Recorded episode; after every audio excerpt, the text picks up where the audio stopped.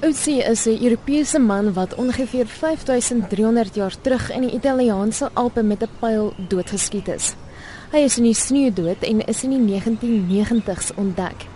Moodley sê hierdie fonds is uitsonderlik.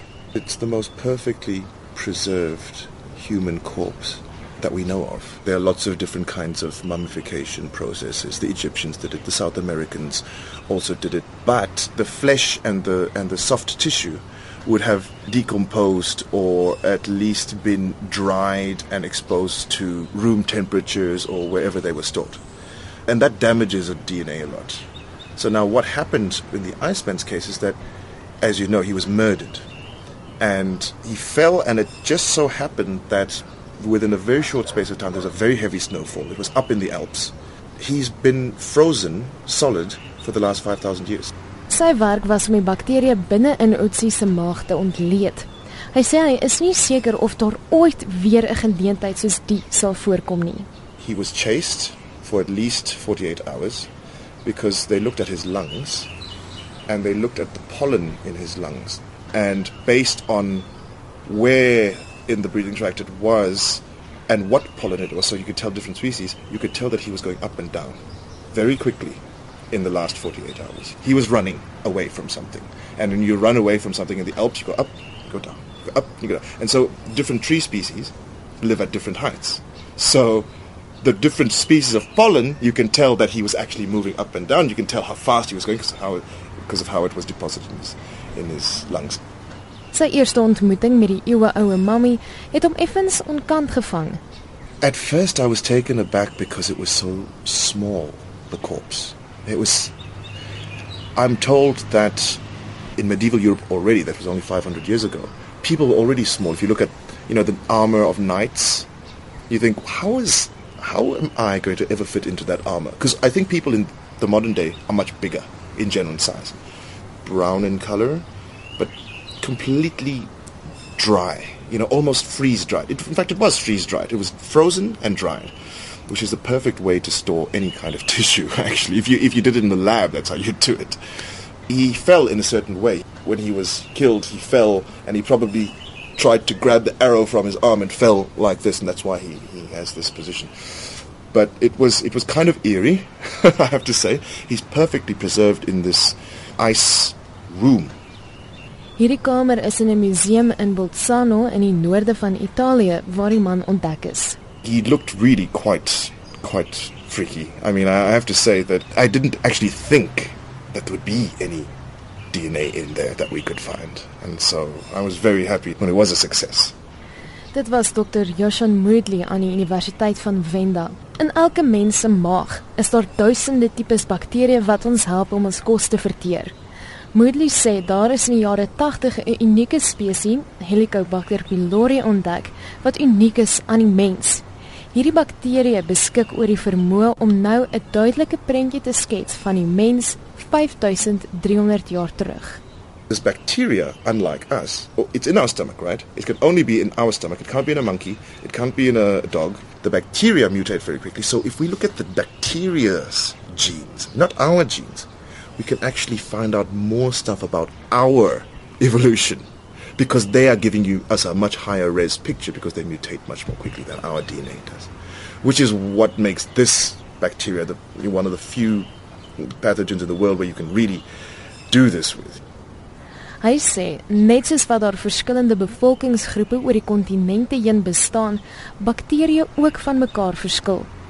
they all are different to each other. So the bacteria's evolution is literally a mirror image of our evolution.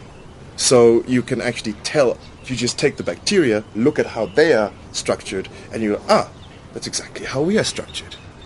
Wat die geval verder uniek maak is die onbetwisbare feit dat die bakterie 5300 jaar oud is en bespiegeling sodoende uitgeskakel word. I looked at his bacteria and matched it to the populations that we have in in our database. And he has a bacteria that's very closely related, much to our surprise, not related to the European bacteria that we see today in European stomach. That's what I expected to find in Ötzi, the Iceman. And it was completely something else. not the same as, but the closest population we could match it to was a very isolated population in northern India, of all places. Dit beteken egter nie dat Utsi 'n Indiese burger was nie, want volgens Moodley is die bakterie nie dieselfde as dit wat vandag in Indië voorkom nie.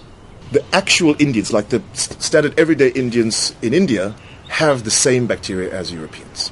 But so now brings us to the question what on earth is that population doing up there in the Himalayas? Die teorie is dat hierdie stam se bevolking die gevolg was van 'n tweede migrasie uit Afrika en nooit in aanraking gekom het met die meer algemene moderne bakterieë nie. That's why it's only in the, in the Himalayas because the European type didn't manage to get up there those isolated communities. And that's the same bacteria we find in the Iceman, which means that that whole area from the Himalayas all the way to Western Europe was populated at one stage by this bacteria. And it no longer exists because of the more influx from Africa mixed with what was there. It became something else and, and replaced everything in Europe.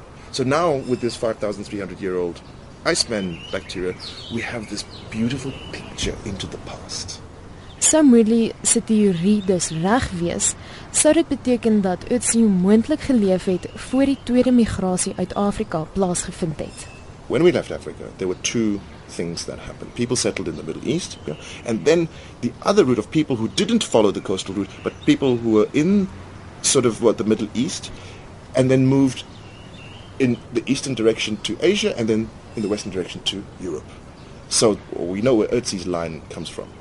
From the bacteria. But this particular paper is telling us something very remarkable about what was happening in Europe then. Hy sê navorsing soos die is belangrik om die land en sy universiteite op die internasionale speelveld te plaas. Dit is veral belangrik om befondsing te verseker sodat toekomstige navorsing nie skibreek lei nie. You know, it's thousands upon thousands upon thousands of euros and it would never have been possible with South African funding. The message I would like us to hear is that it's possible. We have the expertise. We need to be funded. We have the expertise in South Africa to do this. And on top of that, our story is an African story. Our human story is an African story. Dit was Dr. Joshan Moodley, 'n dosent in evolusionêre studies aan die Universiteit van Venda. Ek is Marlene Forsie vir SABC nuus.